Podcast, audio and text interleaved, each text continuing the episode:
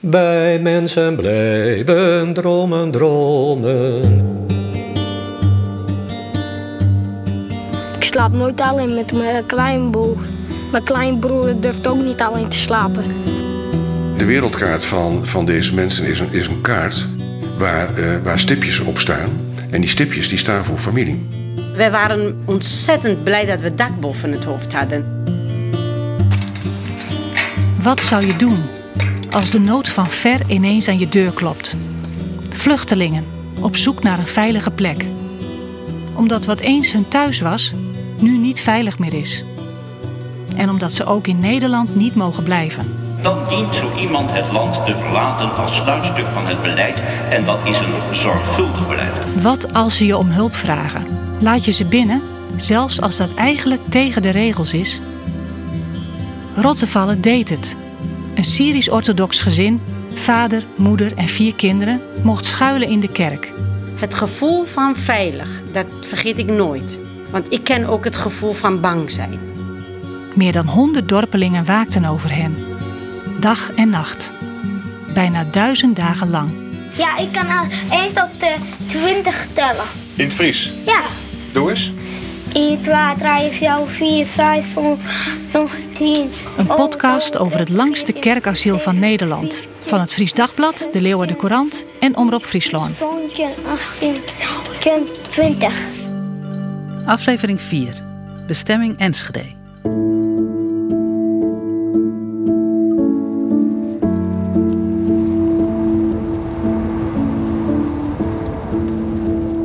Weet je, al, al, komen we gewoon een keer op een, op een, op een ochtend langs, eh, als het jou uitkomt, of, of, of eh, een van je, van je andere broers, eh, of je vader of moeder uitkomt, een bakje koffie. Verder niks. Het is zover.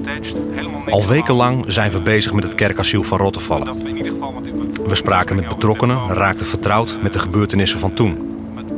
Maar eigenlijk draaiden we ook rondjes. Bewogen wij ons in steeds kleinere cirkels rond de familie waar het allemaal om te doen was, destijds in die consistorie van de doopsgezinde kerk. Tot het onafwendbare moment, vorige week, dat we de stoute schoenen aantrokken. Die mening die je dan eh, daarover hebt. Mijn hakkelende, moeizame, maar vriendelijke telefoongesprek met Ninos, de oudste zoon. Het lukte uiteindelijk een vervolgafspraak te maken om verder te praten. Maar zijn grote tegenzin om terug te blikken was ons niet ontgaan. Ik zou het wel nogmaals heel fijn vinden om in ieder geval. eh, Prima, dan prima. Dan, eh, dan, laten we dan zo doen. Dan, eh, We waren welkom, maar zonder opnameapparaat. En nu zitten we in Karens Toyota op een zonnige woensdag op weg naar Enschede. Voor een ontmoeting waar we al weken naar hebben toegewerkt. We zijn nerveus. Dus zwijgen we.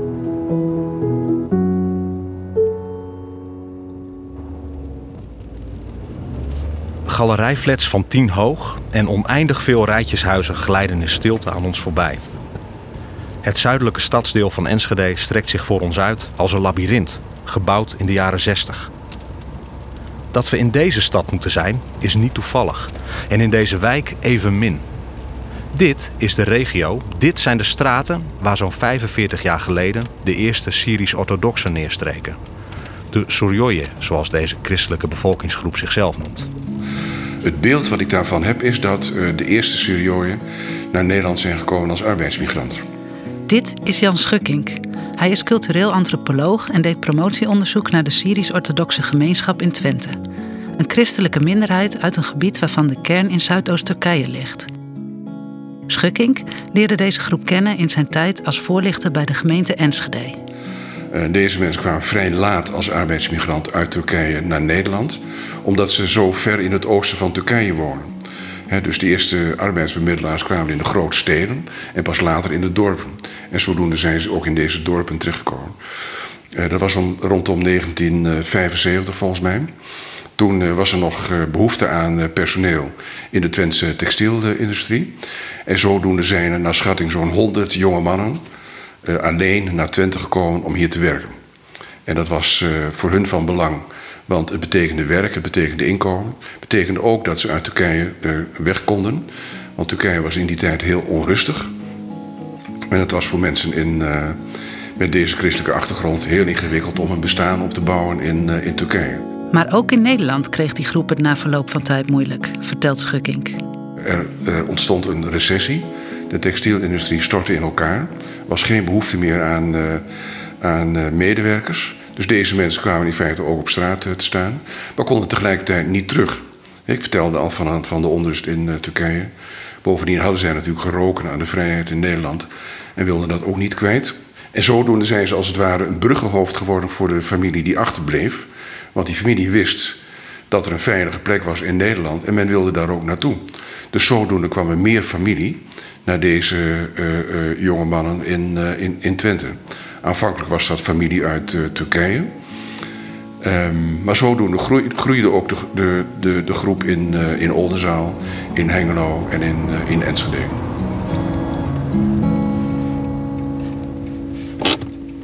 We parkeren de auto in een aangeharkte buurt. We zijn de jongens. Verzorgde tuintjes, nette parkeerplaatsen, een keurig speeltuintje met kinderen die ons, onbekenden, met een vrolijk hoi begroeten. Drie verslaggevers met de stille hoop straks het ijs te kunnen breken. Met een uitgeschakeld opnameapparaat, zoals afgesproken. En met een Fries suikerbrood, een attentie, een troef die wij uit nervositeit bijna vergeten mee te nemen uit de auto. Een deur zwaait open. Dit is de jongen die we kennen van de brandpuntreportage. Op zijn fietsje rammelend over de klinkers van de haven. In de consistorie, waar hij ijverig twee broden van Annie in een keukenkastje opbergt. Die jongen staat nu voor ons. Een volwassen man in een werkbroek met van die zakken aan de zijkant. Een wit shirt dat om zijn biceps spant. Loop verder, wenkt Ninos hartelijk. Koffie? Thee? Terug naar de jaren 70 en 80, toen veel Suryoyen hun geboortegrond verlieten voor het veilige Nederland. Hoe werden zij eigenlijk ontvangen? Um, ja, het korte antwoord is eigenlijk dat ze niet welkom waren. En dat was wel uh, uh, ook moeilijk uit te leggen. He, want het gaat om mensen met een christelijke achtergrond. Die dachten van uh, wij verlaten dit moslimland en komen in een christenland. En daar zal het beter en veiliger voor ons zijn. En ze moesten al snel, tot de conclusie komen dat het niet zo was. Ook in een land dat, wat destijds geregeerd werd door CDA-ministers. Uh, er was een CDA-minister-president, er was een CDA-minister van Buitenlandse Zaken. Er was een CDA-minister van Binnenlandse Zaken. En die waren geen van allen, stonden ze echt op, uh, op sympathieke voet met, uh, met deze Syriërs. Waarom niet? Ja, zijn ook op politieke redenen. Want uh, nou ja, ik vertelde al van, uh, van Turkije, waar ze het moeilijk mee hadden. Maar ook, uh, ook in die tijd ging het economisch niet goed met Nederland. En ik denk dat het een soort wetmatigheid is dat wanneer het economisch ingewikkeld is voor een land, dat het dan ook moeilijker wordt om vluchtelingen op te vangen. En dat was in die tijd was dat, was dat ook zo. Want ja, die verbazing, zoals ik die net al noemde, die was, die was alom. Hoe is het nou mogelijk dat dit christelijke land zo weinig begrip en gevoel heeft voor deze christelijke vluchtelingen. Die verbazing was er zeker bij de gevestigde westerse kerken. He, van, van protestants-christelijk tot katholiek en alles wat daar nog bij kan horen in Nederland. En dat is een hele grote familie, geloof ik. Uh, daar was wel heel veel sympathie voor het lot van deze mensen. Want uh, de sympathie kwam voor een deel voort uit uh, het feit dat het ging om mede-christenen. dus broederschap speelt dan een rol. En, en, we hebben tegelijkertijd te maken met mensen die afkomstig waren uit de christelijke bakermat. Dus we pra praten over mensen die in hun geschiedenis hebben dat ze kloosters hebben die in de derde en de vierde eeuw in dit, in dit gebied zijn gebouwd. De betrokkenheid van Nederlandse christenen bij de Sujoya was dus groot. Men, men, heeft ook zich erg ingespannen om deze mede-christenen in nood te helpen. Op alle mogelijke manieren, denk ik. Dus in, in kerkelijk verband, opvangen in kerken enzovoorts. Maar ook veel meer ook in, in privéverband. Dat je in privéverband, je bent buren van elkaar. Kun je, elkaar, kun je uitleggen hoe Nederland werkt. Kun je helpen aan informatie. Kun je helpen met het leren van de taal. Dat is vaak op die manier gegaan. Het was niet eens zo heel erg geïnstitutionaliseerd zoals we dat nu hebben. Met, met regelingen en met scholen en met instituten. Maar dat ging, uh, ik zal maar zeggen, spontaan via die solidariteit uh, tussen kerkmensen. In de woonkamer in Enschede moeten we het onszelf maar zo gemakkelijk mogelijk maken, zegt onze gastheer zodra hij terugkeert met de warme dranken. Maar dat valt nog niet mee. We zouden hem het liefst het hemd van het lijf vragen, maar realiseren ons dat hij daar nu waarschijnlijk geen trek in heeft. Maar hij joeg heel duidelijk aan dat hij dat niet verveelde. Hij zei, eh, ja, het was een zware tijd en eh, dat hebben we afgesloten. Dus mijden we vroeger. Praten we over niksigheden, over het bouwproject waar hij mee bezig is, over hoe prettig het wonen is in dit deel van Enschede en over de media waarvoor wij werken. Maar het onderwerp, duizend dagen in Rottevallen, staat nog tussen ons in als een onzichtbare, breekbare vaas die we niet durven aan te raken. De Sojoyen die naar Nederland vertrokken, verdwenen niet van de radar voor de familie die achterbleef in Zuidoost-Turkije, Syrië en Irak, de gebieden van herkomst. Sterker nog, Twente geniet daar zelfs bekendheid, zo merkte Jan Schukking tijdens de reizen die hij voor zijn onderzoek naar die gebieden maakte. Wij denken altijd dat Nederland klein is. Een stipje op de wereldkaart. Dus ik dacht ook wel van ja, als ik nou zeg Nederland, dan, dan zeg ik genoeg. Dan hopelijk wel dat ze weten wat ik bedoel. Dus dan zei ik inderdaad Nederland. En, uh, en dan zei ze, maar meneer, waar dan? Ik zei, ja, uit het oosten, zo'n grote stad, Enschede. Waarvan, waarna vaak de reactie was van, oh, wat interessant. Dat is bij Glane, hè, in Losser. Om een voorbeeld te geven van hoe de wereldkaart eruit kan zien. De wereldkaart van, van deze mensen is een, is een kaart waar, uh, waar stipjes op staan. En die stipjes die staan voor familie. Rottevallen moet 2,5 jaar lang ook zo'n stipje op die wereldkaart zijn geweest. In de loop van de tijd bleef de Sujoye-gemeenschap groeien. Nu ook weer, vertelt Schukkink. En, uh, en sinds de, de huidige burgeroorlog in, uh, in Syrië is die stroom weer op gang gekomen. En die gaan dan heel gericht ook weer naar Enschede, want Enschede is familie, is levensverzekering, is kerk. Uh, en dat betekent dat de, de aanwas van Surioje naar Enschede nog steeds toeneemt. En ik denk uh, dat Enschede, een stad met een bevolking van 160.000 inwoners, inmiddels 10.000 Surioyen telt. En daarmee zijn Surioyen de grootste minderheidsgroep die er is in Enschede. Het lijkt het wel op een kerkgebouw. Onze is dat wel? Ja, giele bakstien, wat rere bogen. Een, een groene toer zit erop. Hey. Hallo. Hey. Het is een, uh, het is een mooi gebouw om te zien. Het is wel op, een opvallend. Ja, uh, kan jij zien? Ja. Van naar binnen. Ja, Ja. mo- ja, mogen we binnen kijken? Ja, Oké, we Mooi. komen uit Friesland. mag geen probleem. Oké. De Sint-Curiakoskerk in Enschede-Zuid is de tweede Syrisch-orthodoxe kerk die gebouwd werd in de stad. Dat was in de tweede helft van de jaren 90. Toen het aantal Suryoya hier al zo groot was dat één priester alle kerkgangers niet meer kon bedienen.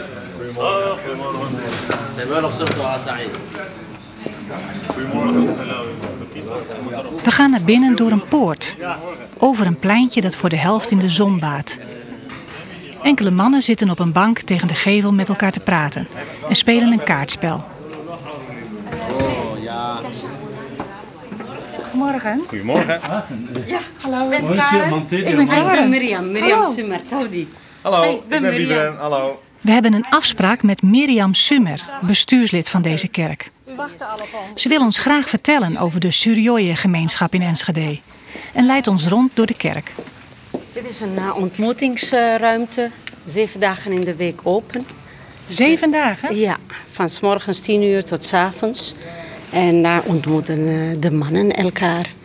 Uh, dit is een tussenwand, wat u zo ziet, die kan open. Zondag zit hier dan vol, zo'n 500 mensen.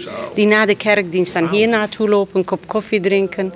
En heel vaak is er ook nog uh, broodje, omdat iemand is uh, herdenking van iemand of zo, die overleden is.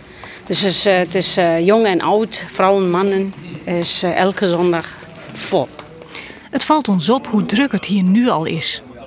In de kerken die wij kennen kun je op een doordeweekse dag om 10 uur 's ochtends een speld horen vallen. Maar hier is het een en al levendigheid. We hebben vrijwilligers achter de bar, die regelen alles. Elke dag? Goedemorgen. Ja, elke dag. We hebben twee ploegen. Overdag is er eentje. En uh, Eh, S S'avonds van 5 tot 11 is er eentje. Nou, dit is de kerk. Ja, de geur al hè, van wierook en eh, ja. Mensen komen hier naar binnen. Dit zijn, eh, die drie deuren kunnen open. Ja. Ja. En eh, nou ja, dan loop je naar binnen en dan eh, heb je links twee eh, rijen. Daar zitten meestal de vrouwen.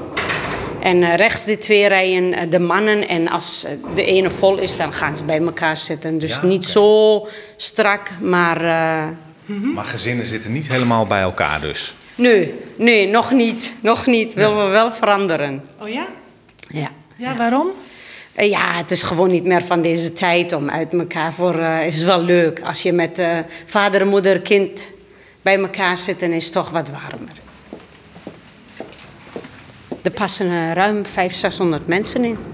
En hoeveel komen er eh, gemiddeld? Ligt eraan. Gemiddeld zitten er zeker 350 tot 400. Het kabaal, wat je hoort, is. eh, ze zijn met het dak bezig van die koepel. Ehm, zoals afgelopen zondag was eh, een bijzonder rustige zondag, maar daar had je zo 300. Maar gemiddeld zit je toch wel op 400, 450. En als er een eh, herdenkingsdienst is, dat iemand is overleden, eh, en dan, gaan ze, dan komen mensen vanuit die aangesloten zijn bij andere kerken, eh Syrisch-Orthodoxe kerken, komen ook. Dan is het overvol. Kerst en Pasen is gewoon niet te doen. Dan hebben wij op een gegeven moment staan twee mensen voor de deur en zeggen: Gaat u alsjeblieft naar de zaal, want daar hebben we een beamer. Kunnen ze ook de dienst volgen? Want we hebben jaren dat wij hier promptvol hadden. En toen hebben we gezegd: uit veiligheidsredenen, dat doen we niet meer. dus dan gaan Precies. En mensen dan wijk je uit naar de zaal ja. en daar... Ja, ja. Even kijken of ik de sleutel heb. In de manier waarop Mirjam over de Sint-Curiakoskerk spreekt, klinkt veel trots. De eerste Surioyen die naar Nederland kwamen, hadden die weelde van een eigen, zelf opgebouwde kerk nog niet, vertelt Jan Schukkink. De eerste kerkbezoeken, ja, want in het begin was er geen kerk, maar de eerste kerkbezoeken waren ook aan protestants-christelijke kerken of bij, bij katholieke kerken. Men kon eh, meedoen aan de, de liturgie. Maar tegelijkertijd was er ook een heel sterke behoefte om onder eh, eigen mensen te zijn, met een eigen taal bijvoorbeeld, met een eigen geschiedenis. En, eh, en, en van daaruit is ook die eerste kerk in Hengelo gekocht. En daar was dus tegelijkertijd ook een, ook een priester. En dat is allemaal betaald. Voor een deel met, eh, met geld van de Syrisch-Orthodoxe Kerk. Maar voor een deel ook met, met eh, geld van de mensen zelf. Want men vond het heel, heel normaal om een flink deel van het eigen inkomen af te staan voor zo'n doel.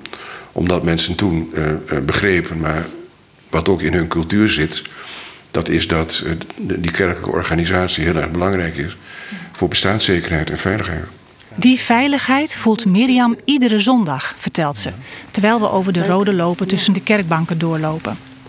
En geniet u er ook zelf van om naar de kerk te Ja, ja, ja, zeker.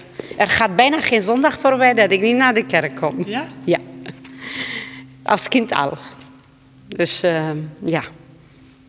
En wat, wat vindt u dan het mooiste? Ehm, ja, je proeft toch wel eh, warmte en eh, liefde, ehm, veiligheid. Het, is, het, he- het geeft toch een, ge- m- een geborgenheid, eh, al met al. Ja. Een van de redenen waarom we graag met Mirjam willen spreken, is om haar persoonlijke verhaal te horen. Lang voordat de familie Toema naar Rottevallen kwam, maakte Mirjam als kind ook de reis naar West-Europa.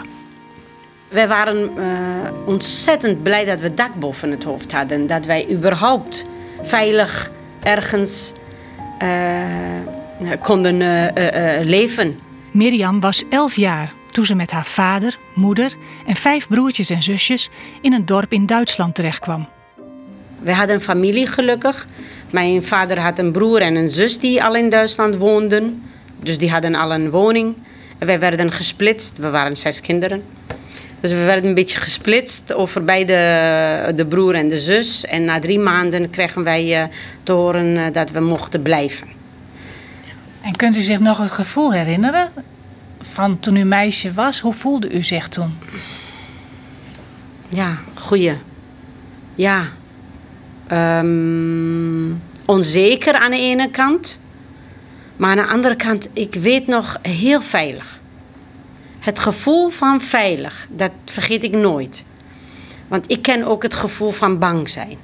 Dat wij eh, s s'avonds ons moesten schuilhouden omdat het onrustig werd in het dorp. Ehm, het gevoel van veilig, dat vergeet ik nooit.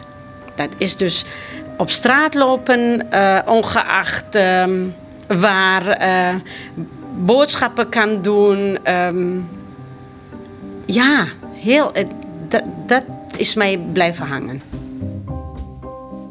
Toen Mirjam met haar familie in Duitsland kwam, was er al snel duidelijkheid. Hoe anders verging het de Toema's. Waar Mirjam al vlot kon bouwen aan een toekomst in haar nieuwe thuisland, bleef het lot van het gezin in de Rottevalster consistorie 2,5 jaar onzeker. Maar er zijn ook overeenkomsten. Net als Mirjam en haar familie woonden ook de Toema's eerst in een klein dorp. Ik weet nog dat wij eh, dus afgelegen woonden. Ehm, ons troost was, mijn troost, ik spreek voor mezelf, was dat ik broers en zussen had. En, eh, en, en dat had ook te maken met wie, hoe ik ben. Ik zocht dus contact met de buren, met de buurmeisje. En dan gingen we spelen. Of eh, ik ging naar de stadje ernaast. eh, eh, maar ik weet nog dat als het s'avonds was, dan ja, je hebt geen eh, auto, niks. Je was afhankelijk van. Dat je dan toch wel zo van, mm, ja, zijn we, zitten we weer alleen. En niemand die binnenkomt. Of eh, ja, dat was wel, dat gevoel, dat, dat herinner ik me. Die eenzaamheid. Ja, ja, ja. Die eenzaamheid, dat, dat was er wel. Ik vraag me nu achteraf, ook af, hoe ging het met mijn moeder? Hoe voelde zij zich eigenlijk? Geen taal spreken, eh, niet lezen, schrijven. Ehm, zes kleine kinderen, de oudste elf, dat was ik. Hoe heeft zij zich eigenlijk gevoeld? Ze had geen familie, geen broers, zussen in de buurt. Eén keer in de zoveel tijden dat eh, ze voor een uurtje kwam en dan weer vertrokken. Heeft het uw moeder ooit gevraagd? Nee, niet echt bij stilgestaan. Nee, inmiddels is zij overleden, jaren geleden. Ehm, maar mijn moeder, het heeft, ik zeg altijd, het heeft ook te maken hoe iemand eh, in elkaar ook zit. Kijk, als je, als je kinderen hebt en een, eh, een, een, een, een echtpaar bent met kinderen, je bent zo druk bezig dat je niet eens echt bij stilstaat. Dus ik. ehm, en eh, als je bedenkt van, van waar je komt, de omstandigheden, waarom je bent gekomen. Het gaat om, primair om het veilig voelen. En ehm, als mensen zich dat realiseren, dan valt het best wel mee. Ongeacht dat je. ehm, het kan ook heel knus zijn. Ik vond bijvoorbeeld s'avonds met mijn broertjes en zusjes een eh, televisie kijken. Dat was gewoon eh, leuke momenten. Misschien had ik dat niet eens gedaan als wij niet zo afgelegen hadden gewoond. En eh, misschien heb ik ook, ook vandaar dat hele hechte eh, band met mijn broers en zussen. Terwijl Mirjam zich afvraagt hoe haar moeder zich moet hebben gevoeld, denken wij aan Zahoua, de moeder van het gezin Touma. Zij miste haar familie. Ze sprak de taal niet en voelde zich eenzaam. Drie jaar lang woonde Mirjam in dat plattelandsdorp. Toen wij naar Duitsland kwamen, eh, hadden we een huisje. eh, een kacheltje waar je zelf moet aansteken. Het was geen verwarming, niks. En zes kinderen. Twee kamerwoning. Niks mis mee hoor. We waren alsnog gelukkig. Maar toch kwam het verlangen om de vleugels uit te slaan. Maar op een gegeven moment worden je kinderen groot en dan, eh, ja, je voelt je veilig. je hebt een, een uitkering, meestal in die jaren was dat zo. En dan ging je dan, en dan kijk je verder over de schutting. Wat is er nog meer? Want mijn kinderen, ik wil toekomst van mijn kinderen. eh, ik wil ook wel werken, ga zo door. En dan kijk je verder. Zo zijn wij bijvoorbeeld vanuit een ehm, dorpje, zijn we vertrokken naar de stad. En dat was 1984. Dus drie jaar lang hebben wij in een, in een dorpje gewoond waar iedereen elkaar kende bij de voornaam. En wij, wij, die mensen hebben zo goed voor ons gezorgd. En we zijn toch weer weggegaan. Een neef van ons heeft een woning gezien in de stad. Ik heb dan over Paderborn. Dat is ongeveer 20 kilometer verder dan waar we... Heeft een woning voor ons gevonden met verwarming. Dan hoefde je alleen een knop te draaien. Dat was eh, het luxe. En meerdere slaapkamers. Nou ja, dan kun je eh, nagaan. Hè? Pubers. eh, je, begint, je kent de taal en je wilt toch wel... Zijn we vertrokken. Zo vanzelfsprekend als dat voor Mirjam en haar ouders was, zo logisch was het niet voor de dorpelingen die het gezin zagen vertrekken. Ik was ja, 13, 14. En die mensen, onze buren, zeg maar, die begrepen niet waarom we gingen. En dat heeft mij heel lang bezig gehouden. Van, goh, waarom niet? Is toch logisch? We zijn naar een mooiere woning gegaan, groter. En daar woont mijn oom en mijn neef. Dat is toch logisch? Maar ja, zo logisch is dat voor die mensen waarschijnlijk niet. Omdat zij, die mensen hebben ons verzorgd. In de zin van, we hebben kleren gekregen. Ze hebben eten soms eh, gebracht. Ze hebben ons de taal geleerd. Er waren eh, moeders van meisjes uit mijn klas bijvoorbeeld. En terecht eh, dat ze die... ehm, maar ik heb daar nog contact mee. Ja? Ja. Dus wij zijn wel in contact. Eh, Toen ik hoorde van... Er wordt een beetje raar gekeken van dat jullie vertrokken zijn. Want ik had één eh, gezin waar ik altijd eh, contact onderhield. En tot de dag van vandaag. Dus heb ik ook uitgelegd van ja, maar wij willen ook wel een woning met verwarming. En ja, een kind die denkt niks anders bij. Dus ik legde het heel praktisch uit. En Paderborn, de stad, ja, weet je.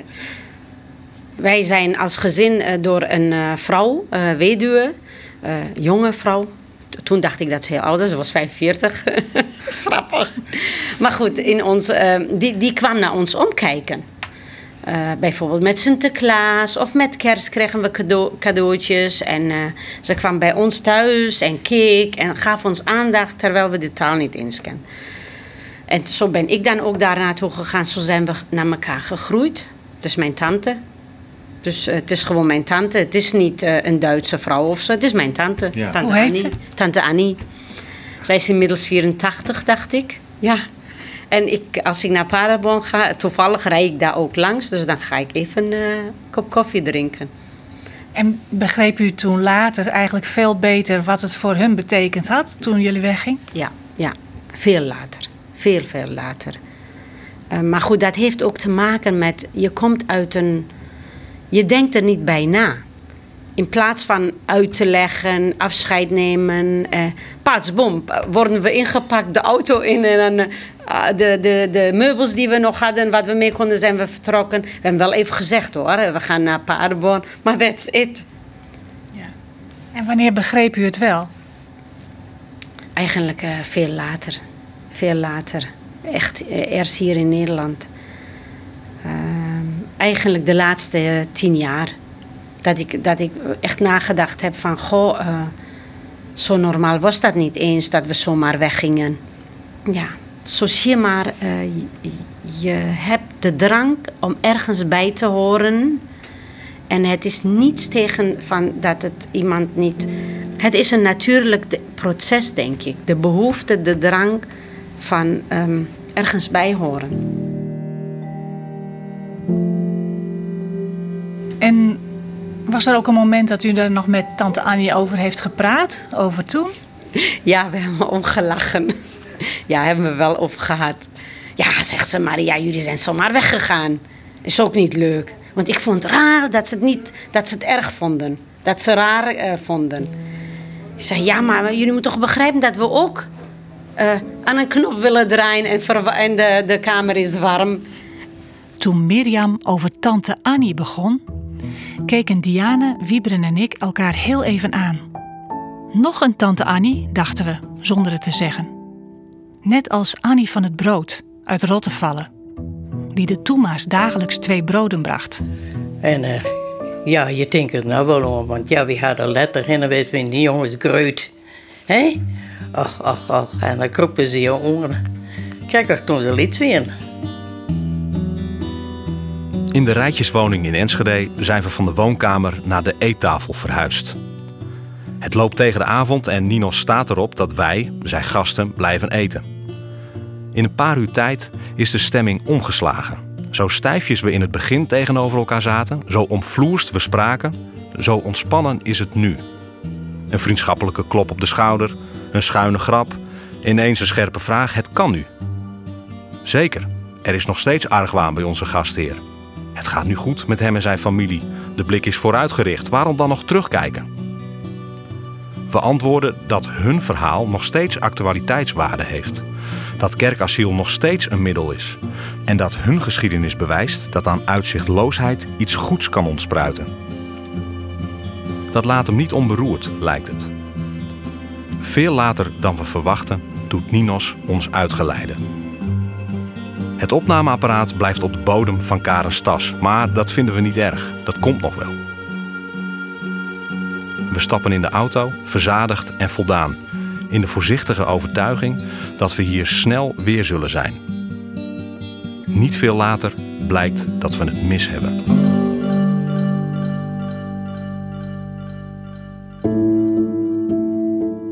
Dit was aflevering 4 van Duizend Dagen.